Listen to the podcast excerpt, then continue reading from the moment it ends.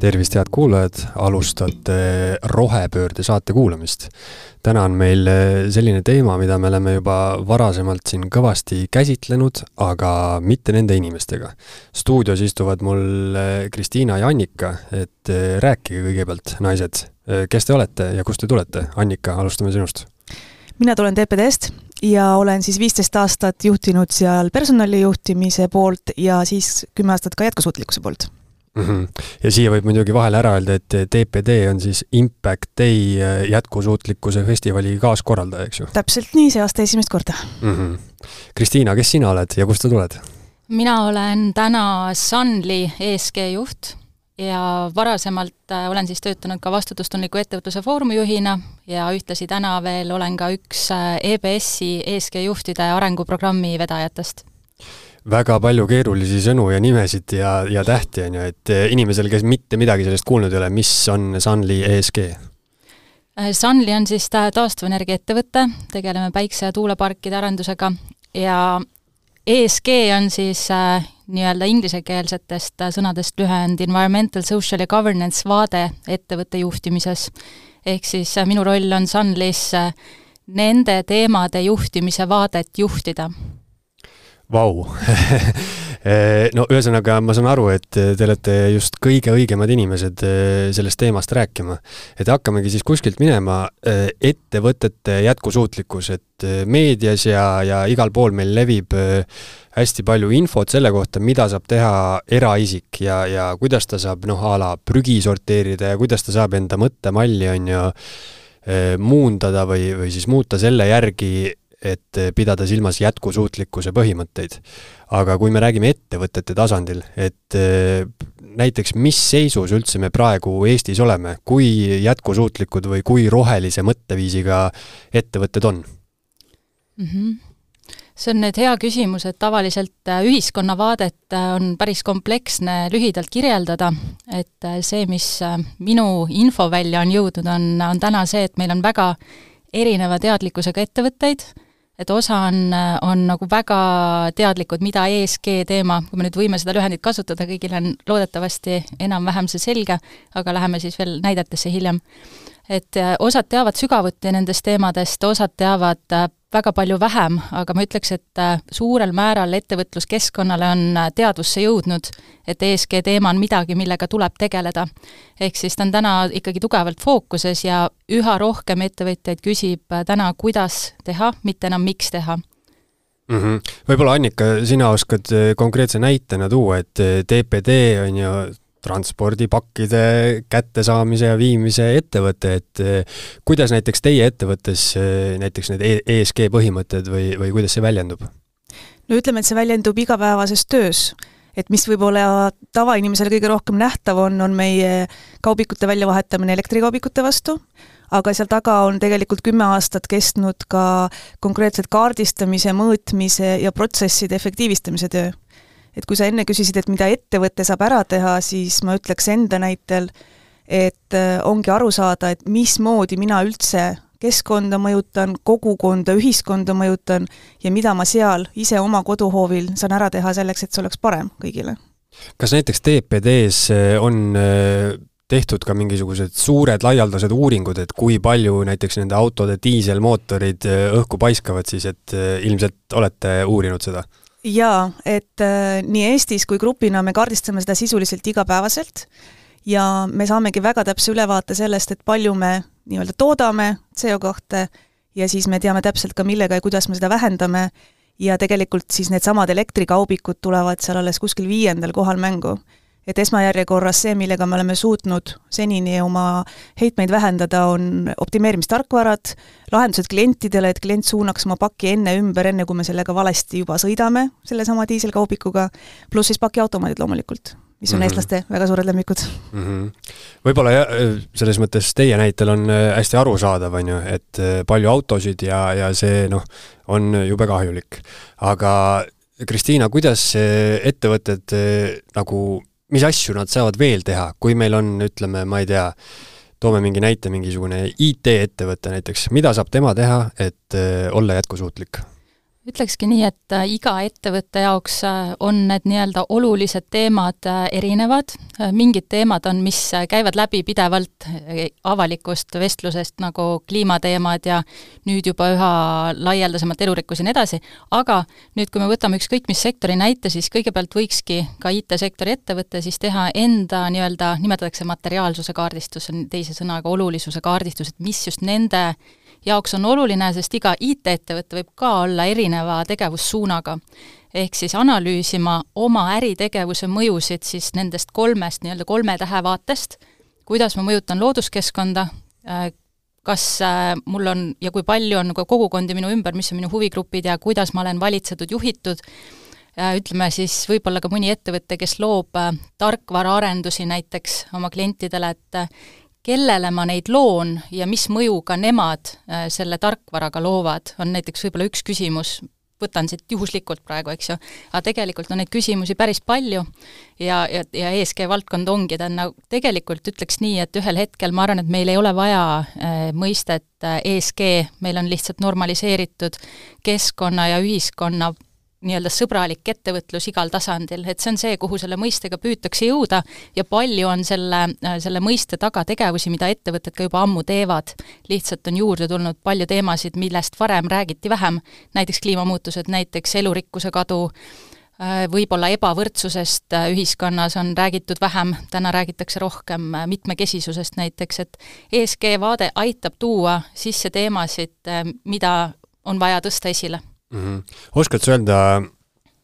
milline valdkond nii-öelda kõige kehvemas seisus on, mis on kõige suurema ta- äh,, jalajäljega, et äh, tahaks öelda, et see on mingi tootmine, on ju, aga mis täpsemalt? Äh, täpsusta korraks, et sa mõtled, mis sektor on või mis, mis, jah, mis ettevõtlusvaldkond on äh, nii-öelda kõige kahjulikum? Kõige kahjulikum, jah, ma ütleks küll, et praegusel hetkel äh, öeldakse või räägitakse kõige rohkem kliimamõjudest, et justkui seda mõjutab siis äh, põlevkivisektor näiteks, on ju, aga tegelikult ma jään sulle vastuse võlgu, kuna ma ütleks nii, et äh, üldiselt, mis teema on meil fookuses väga tugevalt, on ringmajanduslik vaade äritegevusele näiteks, sest et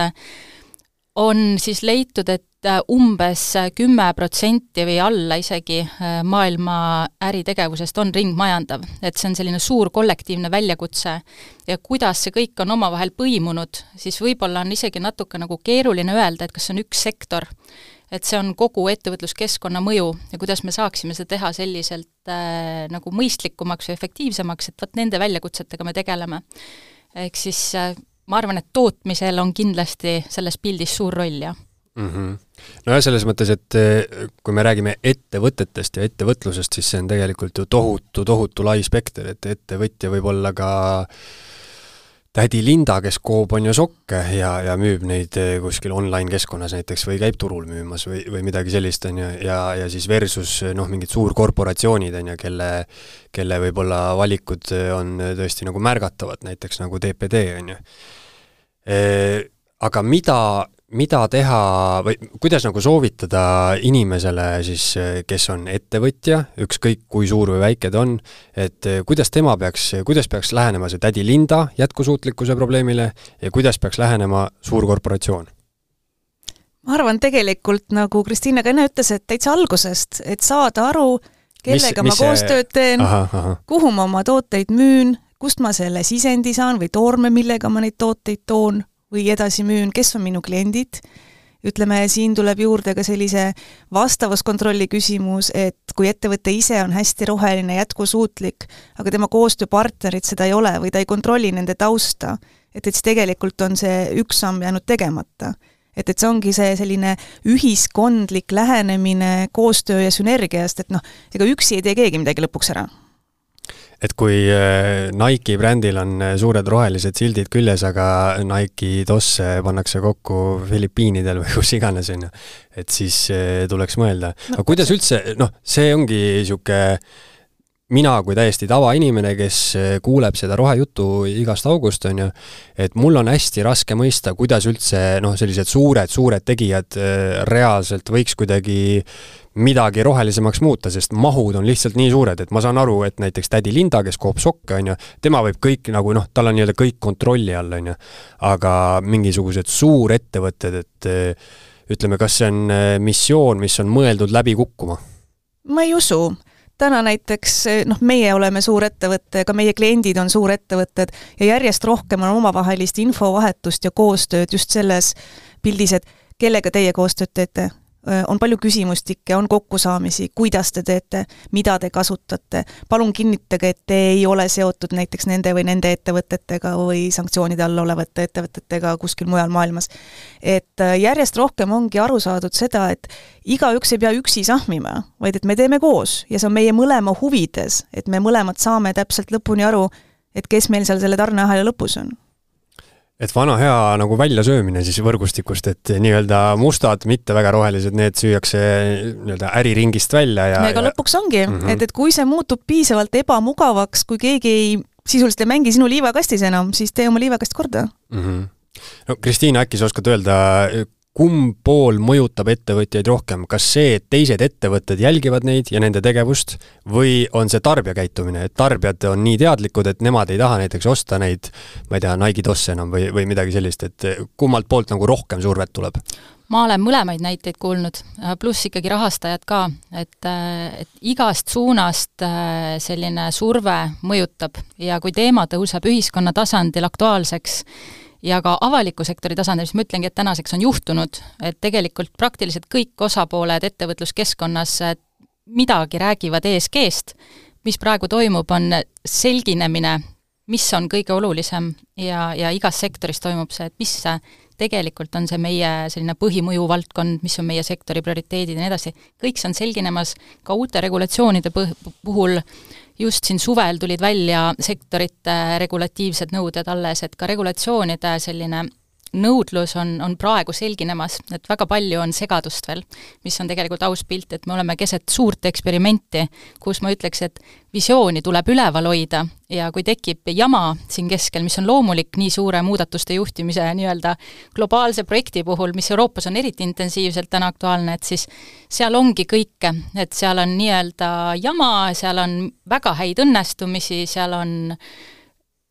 ma ei tea, mõttemuutust, alguses arvatakse nii, siis arvatakse naa, no näiteks ütleme niimoodi, et kui me saime mõned aastad tagasi äh, või saadi siis ühiskonna tasandil teha kliimat mõjutavaid projekte niimoodi, et, äh, et see oli üsnagi nagu selline pinnapealne või primitiivne, siis täna on, äh, on seal tekkinud väga palju küsimusi iga projektiga, mis adresseerib kliimat, ega ta kusagil mujal ei tekita negatiivset mõju, kui te püüate, püüate lahendada kliimaprobleemi. et kogu aeg see temaatika läheb sügavamaks, on, on lihtsalt see lühidalt öeldes mm. -hmm no see, äh, rääkides sellest äh, pinnapealsest mõjust, et äh, minu eesmärk on muidugi teid torkida natukene ja, ja siin paar saadet tagasi rääkisime ka sellest, sellest põhimõttest, et kui mina olen ettevõtja, ma olen kapitalist, on ju, ma saan nagu noh, väga, ütleme, paberil Exceli tabelites ma näen numbreid ja ma näen, et kui ma ei tee mingisuguseid samme, siis mind lõigatakse, ütleme, äriahelast ära, on ju. et eh, kui, kui suur on tõenäosus, et juhtub nagu selline olukord, et eh, nii-öelda juriidiliselt on kõik okei okay,, et need paberid, regulatsioonid, need aetakse nii-öelda korda, aga tegelikult ettevõtjad eh, noh, ei tee seda nii-öelda missioonitundest, vaid nad teevad seda lihtsalt selle, sellel eesmärgil, et noh, ma ei tea, rohkem toota või, või kasumit kasvatada. ma arvan, et see kindlasti jääb juhtuma. sellepärast, et äh, ma ei usu, et kellelgi on nii roosad prillid ees, et äh, et ühel hetkel on kogu maailm, kõik see kaheksa miljardit inimest on ühesugusel arusaamal sellest, et mis peab, mismoodi peaksid asjad tegelikult käima ja et see ei käiks nagu linnukese pärast, vaid päriselt. aga ma siiski usun, et äh, järjest enam on seda osakaalu äh, et, et keda see päriselt kõnetab, kelle jaoks on oluline, kui inimesed hakkavad seda seostama oma isikliku eluga, ehk kui neil kuskil läheb isiklikult ebamugavaks, kas keegi lähedane jääb haigeks, sellepärast et oli mingi saastatus. kui sul on näiteks astmahaige laps, sa hakkad rohkem tähelepanu pöörama õhupuhtusele, kui sa ennem pöörasid ja nii edasi. et äh, ma kuulasin eelmise aasta Impact Day ähm, paneele ja seal äh,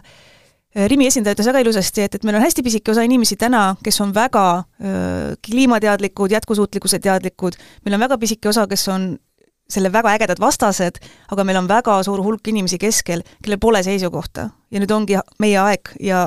vajadus hakata neid mõjutama ja neile selgeks tegema, et et miks see teile on vajalik, miks te peate seal poes tegema neid sõbralikumaid valikuid. et sa ei vali puurikanamuna sellepärast, et see ei ole jätkusuutlik, kuidas neid koheldakse ja nii edasi. aga see on pikk teekond, see ei juhtu nagu üleöö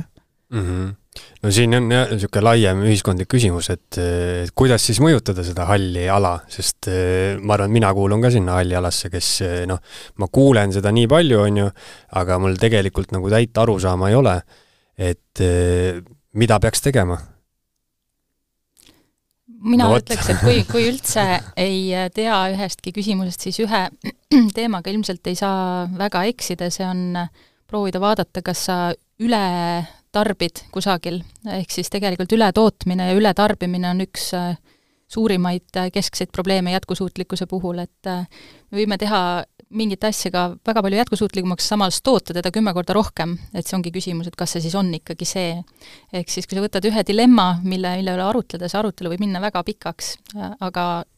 kindlasti on ületootmine ja tarbimine planeedil Maa täna teema,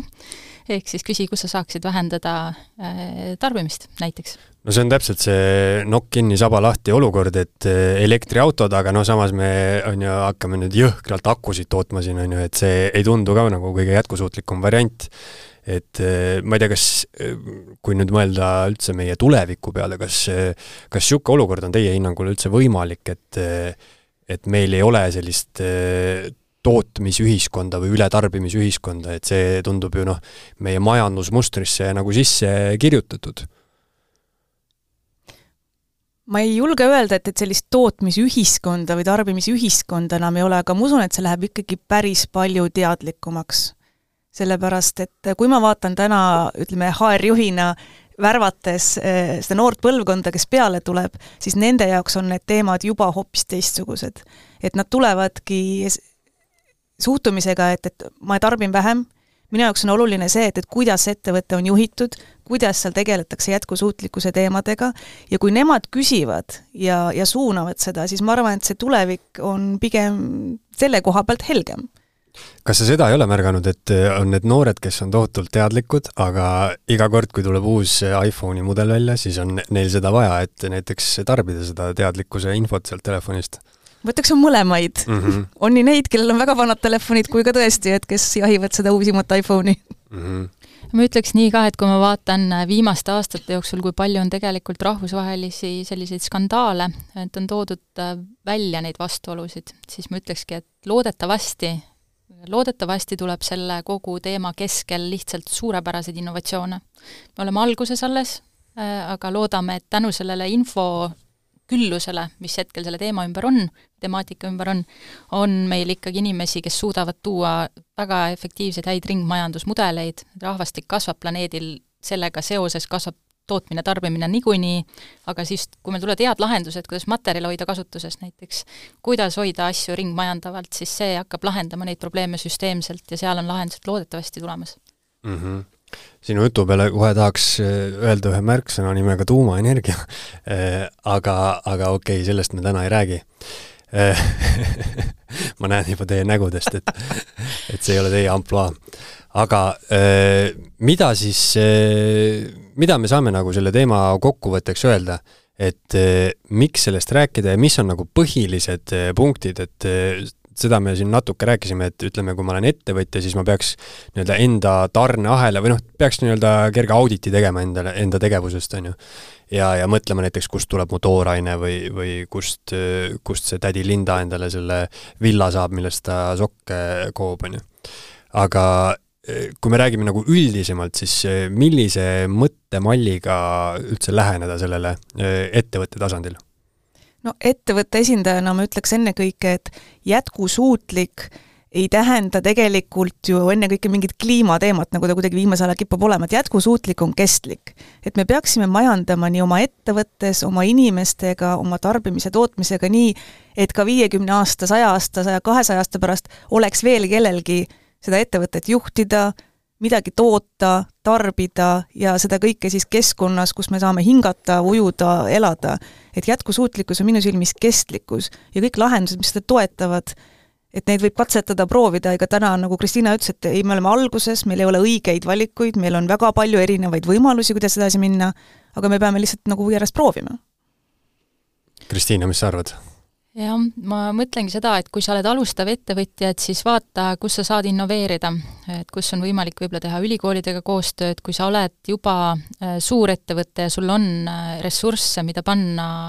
teadusesse, täiendavatesse innovatsioonidesse, pange. et, et sealt ehk, tulevad need koostöölahendused ja nagu te ikkagi tegelikult, sa Annika ütlesid enne ka, et äh, koostöös teistega on teinekord need lahendused, et rohkem sünergiat ja rohkem äh, lahenduste otsimist ka võib-olla isegi sama sektori võib-olla konkurentidega. et äh, konkurentidega, ökosüsteemiga, mis sinu ümber on, et äh, jah. no teie jutust ma saan aru, et kõik ikkagi algab inimestest. võib nagu kokku võtta selle absoluutselt. juhtimisotsustest ja inimestest mm. -hmm. et juhtimiskultuuril on nagu äärmiselt äh, oluline, oluline roll siin mängida, on ju, et noh, kust üldse ettevõtte muutused algavad nii-öelda peast allapoole, on ju jah, ja see ongi see governance teema, nii-öelda see G-täht selles äh, kolmeses äh, kombinatsioonis, millel on tohutu kaal, et see on kõige number üks, ma ütleks, enne, enne environmental ja social, sest et kui sealt ei tule otsuseid ega ka julgust, et siis, siis ei toimu suuri muutusi. aga on palju tegijaid ju turul, kellel on tegelikult hästi suur jõudlus ja kellel tegelikult on ka raha. ja et võib-olla sealtkaudu äh, me suunaks sinna esmajärgus seda tähelepanu, et, et võtke teie rohkem initsiatiivi kui need, kellel ei ole neid võimalusi nii palju, et, et sealt saab, saab liikuda mm -hmm. julgemini. arusaadav, igatahes äh, mõtteainet on ja, ja tänan, et äh, teie meile seda pakkusite, Kristiina ja Annika, aitäh, et tulite! aitäh kutsumast!